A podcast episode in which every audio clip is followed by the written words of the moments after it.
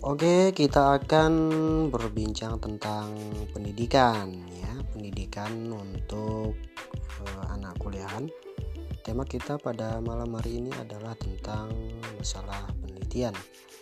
Di mana masalah penelitian ini adalah tentu dibutuhkan oleh mahasiswa, mahasiswa tingkat akhir ya. Nah, karena di sini penelitian yang akan kita gunakan itu berbagai macam yaitu metode penelitian kuantitatif metode penelitian kualitatif. Hmm, oke okay, semua